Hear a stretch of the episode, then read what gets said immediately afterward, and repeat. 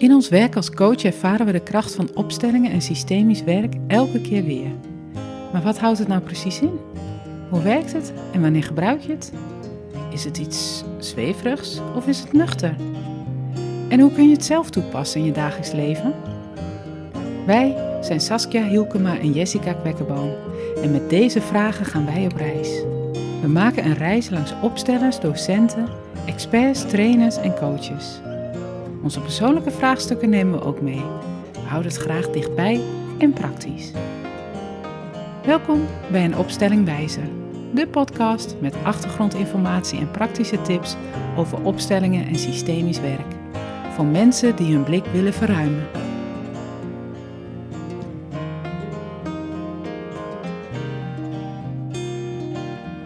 Ja, bedankt voor de uitnodiging, Jessica. Want dit is eigenlijk, dit, is, dit hoort bij jou Ja, en jouw gezin. Zeker. Ja. Ja, we hebben hier een eh, tuinhuisje op het eh, tuinpark. Daar zitten we nu Ja. voor onze opnames. In het groen. Wij organiseren hier ook onze familieopstellingendagen. ja. Maar we komen hier nu bijeen om onze eerste podcast op te nemen over ja, een opstelling wijzer. Opstelling wijzen is in september begonnen. Dat is ons eh, initiatief. Ja. Ja, daar zijn we eigenlijk mee begonnen. ja. Toen kwam de podcast En toen kwam de podcast. Ja, en de reden waarom we deze podcast maken is omdat wij, wij passen natuurlijk zelf dat, dat systemisch werk toe en, en, opst- en we stellen op. Wij zien daar de kracht van, of we ervaren daar de kracht van vooral. En tegelijkertijd is het een methode die misschien toch nog wat onbekend is.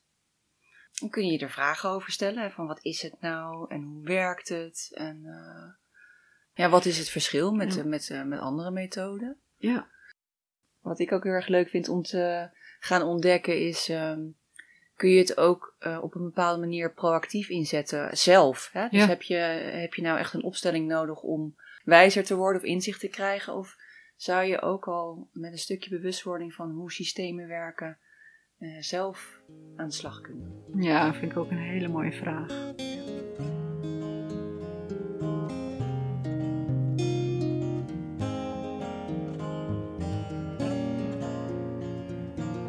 Nou ja, mijn naam is dus Saskia Hielkema. Ik ben eh 47. Ik heb twee zoons in de puberteit en een man en ik woon in Den Haag. Ik ben altijd al geïnteresseerd geweest in ontwikkeling. Ik had psychologie willen studeren, ik heb dat niet gedaan.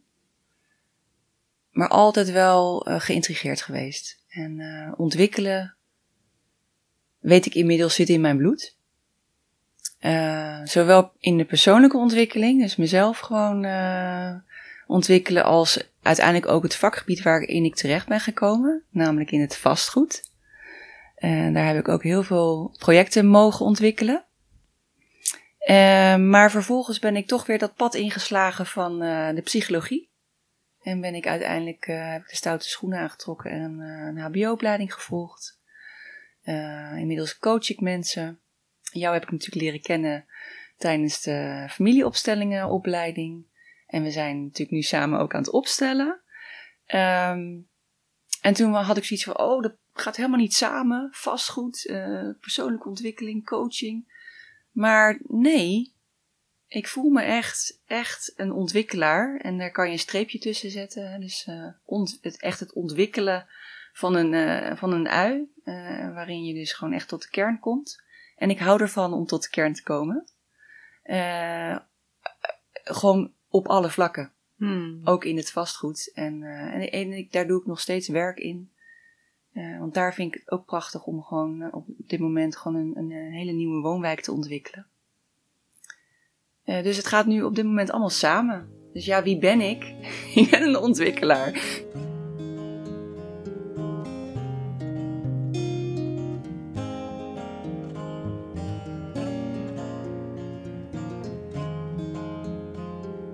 Is Jessica Kwekkerboom. Ik ben 47 jaar. Getrouwd. Een zoon, een dochter. Wat huisdieren. Ik ben geboren in eh, Twente. In eh, Enschede. Opgegroeid in Glanenbrug. Dat is een grensdorp. En op mijn achttiende op kamers gegaan naar Wageningen. Ik heb me Nou, best wel wat jaartjes gericht op uh, milieuepidemiologie. Dus dat gaat over de relatie tussen de omgeving en de gezondheid. En de laatste jaren ben ik in mijn werk vooral bezig met, uh, ja, heb ik het een beetje omgekeerd. Dus uh, juist wat meer van binnen naar buiten, persoonlijke ontwikkeling. Dus ik ben uh, organisatiecoach. Ik begeleid mensen individueel, maar ook teams. En ook veranderprocessen of losse sessies vind ik heel erg leuk om te begeleiden. Ja, en één avond in de week ben ik vrijwilliger bij de dierenambulance in Den Haag. Ik hou heel erg van het systemisch werk. Het dwingt me ook om te vertragen. Nou, dat is uh, voor mezelf heel erg fijn, heel erg belangrijk. Ook omdat ik ook die andere kant ken, dus de echte actiestand. Ik hou van heel veel verschillende dingen. Voor mij staat afwisseling eigenlijk in alles wel centraal, zowel in mijn werk als ook privé. Dus ik kan heel erg genieten van een avond uh, niksen. En ik hou gewoon ook van feestjes, drukte, dynamiek. Ik vind het heel fijn om dus ook echt nieuwe dingen te ontdekken. Ik ben veel op reis geweest. Ik hou van fietsvakanties. En het allerleukste vind ik als je gewoon niet weet wat er op je afkomt. Dan, uh, ja, dan voel ik me echt uh, vrij.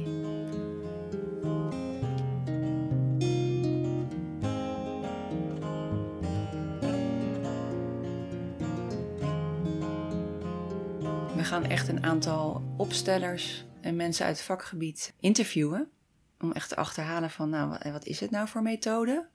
Maar daarnaast willen we ook, en vanuit onze eigen vraagstukken of uh, ervaringen die we hebben gehad in het verleden, ook heel praktisch bepaalde podcast-uitzendingen insteken. Nou ja, in mijn geval bijvoorbeeld kom van gescheiden ouders dat heeft mij op een bepaalde manier gevormd. En ook juist na de scheiding nou, was het allemaal niet zo heel erg prettig. Daar zou ik wel een, eh, een podcastaflevering uh, aan willen wijden. Van, goh, uh, ja. hoe werkt dat nou ook systemisch? Hoe kan je daar naar kijken? En jij? Nou, een thema wat ik goed ken is dat ik me snel verantwoordelijk voel. En dat er dus altijd een valkuil op de loer ligt dat ik me te verantwoordelijk voel. Dus daar kan ik echt last van hebben. Ja. Te veel hooi op mijn vork, te veel uh, ja, me betrokken voel, ingezogen raak misschien wel. Hmm. Ik heb wel momenten gekend dat ik gewoon echt wel fysieke klachten had. Hmm. En dat ik dacht, nou, ik moet nu echt uh, pas op de plaats maken, want dit, dit zit echt in mijn lichaam. Ja. Maar goed, die druk voelen en die verantwoordelijkheid voelen en dan misschien ook wel het goed willen hebben en het goede willen doen. Dat is een thema wat ik goed ken van dichtbij. Een ander thema wat interessant kan zijn is op de, op de lagere school ben ik, ben er niet voor een lange periode, maar ik ben wel gepest. En dat had eigenlijk ook te maken met de scheiding. Dat was iets wat in die tijd misschien wat minder voorkwam. Hoe, hoe ja, hoe, hoe kan je dat systemisch bekijken? En hoe zou je kinderen kunnen helpen? Of misschien ja, want dat gebeurt natuurlijk heel veel. Ja, ik ben daar niet, in, niet de enige in. Dus het zijn allemaal thema's die misschien andere mensen ook wel heel erg, eh, voor andere mensen ook heel herkenbaar kunnen zijn. Ja. Wat ik ook een heel mooi thema vind, is de relatie met je ouders. Ja, zeker. ik, eh, ik heb in ieder geval ontdekt nu natuurlijk uh, al, ja, na de opleiding. En wel bekend misschien inmiddels ook voor de luisteraars Els van Stijn hè, met het boek De Fontein. Dus hoe dat familiesysteem werkt en als je op de juiste plek staat ten opzichte van je ouders en je voorouders. Ja, dat, dat, dat het dan gaat stromen ja, dat is gewoon mooi om daar, uh, om daar apart ook een uh, podcast aan te wijden.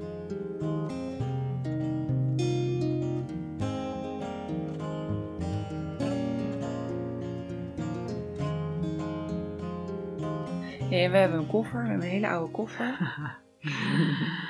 Ergens uit een familiegeschiedenis is ja. een koffer opgedoken.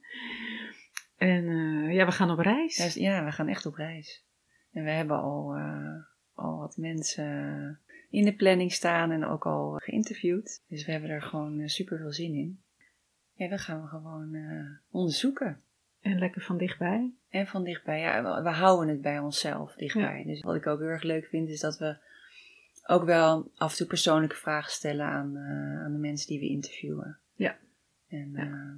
daar hoort ook altijd aan het eind een kaartje bij. En, misschien moeten we in deze eerste podcast ook gewoon elkaar die ah, kaartjes. Ja, dat is een heel goed idee, ja. want we hebben ze hier natuurlijk gewoon liggen. Ja, het zijn gezegdes die te maken hebben met, uh, ja, met familie. familie. Ja. Wie gaat er meer strekken? Nou. Nou, kom maar op met dat. Ja, ja, ja, ja, ja, Ik wil zelf trekken. Ja, ik ga niks voor je doen. Ik ga schudden. Oh, je gaat schudden. Nou, Sas. Blind. Blind trekken. Mm, Deze. Het zonnetje in huis, wie is dat voor jou? Oh, dit is wel een leuke vraag. Of een mooie.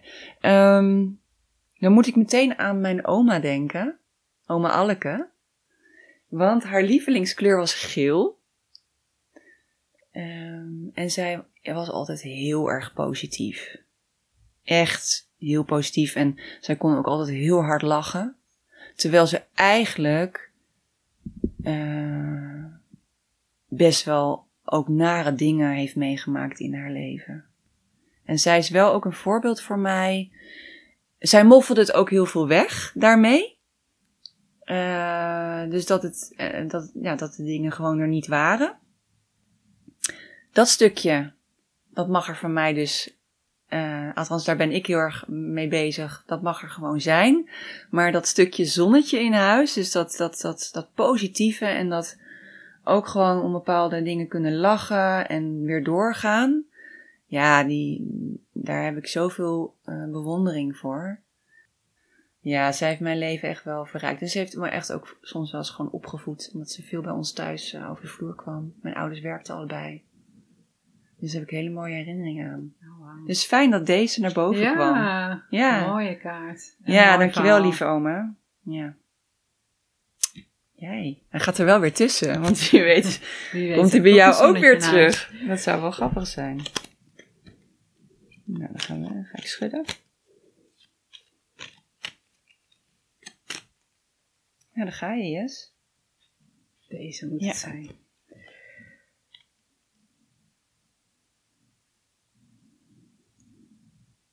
Het hemd is nader dan de rok. Nou, dat is een uitdrukking die eh, niet voor in mijn mond ligt, zeg maar. Gewoon omdat ik het ook een beetje een ouderwetse spreuk Ja, vind. hij is inderdaad ouderwets.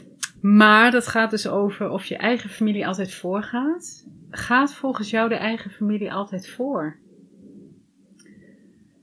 Ja, ik, ik heb eigenlijk een hekel aan het woord altijd. Dus mijn antwoord is nee. Hmm.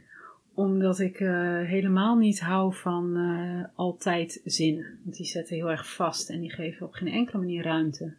Oh, Dus ik zie is- ook echt hoe je praat, Jes, dat Ja. dit, dat dit, dit eh, komt echt heel, van heel, dit komt van heel diep. Als Mm. iets altijd moet of altijd hoort, of al, dan, eh, ja, dat, dat, doet echt iets met mij, daar hou ik niet zo van. Hmm. Dus voor mij gaat het juist heel erg over wel principes, hè, die heb ik ook zelf wel. En ik kan me zomaar voorstellen dat ik, eh, nou mijn eigen gezin bijvoorbeeld, dat ik die, eh, die geef ik eh, graag voorrang. Ja.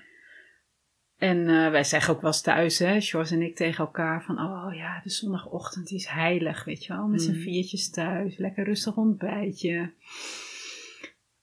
Hoe fijn, en, en laten we die ook heilig houden. Nou, totdat er op zondagochtend toch iets is waar we dan alle vier gewoon ook heel erg van genieten. En dan denk ik, ja, hoezo altijd? Hmm.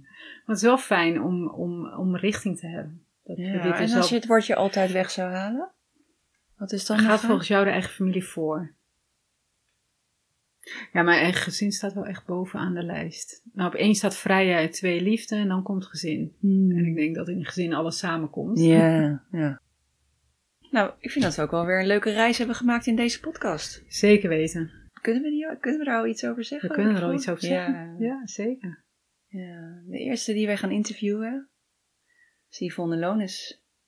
En Yvonne is mede-eigenaar van het Hellingen Instituut, daar waar wij onze opleiding gevolgd hebben. En Yvonne heeft ons helemaal wegwijs gemaakt in systemisch werk. Heel veel zin in. Dankjewel voor het luisteren. Heb je tips, vragen of suggesties? Laat het ons weten via Instagram of onze website www.inopstellingwijzer.nl. Tot de volgende podcast.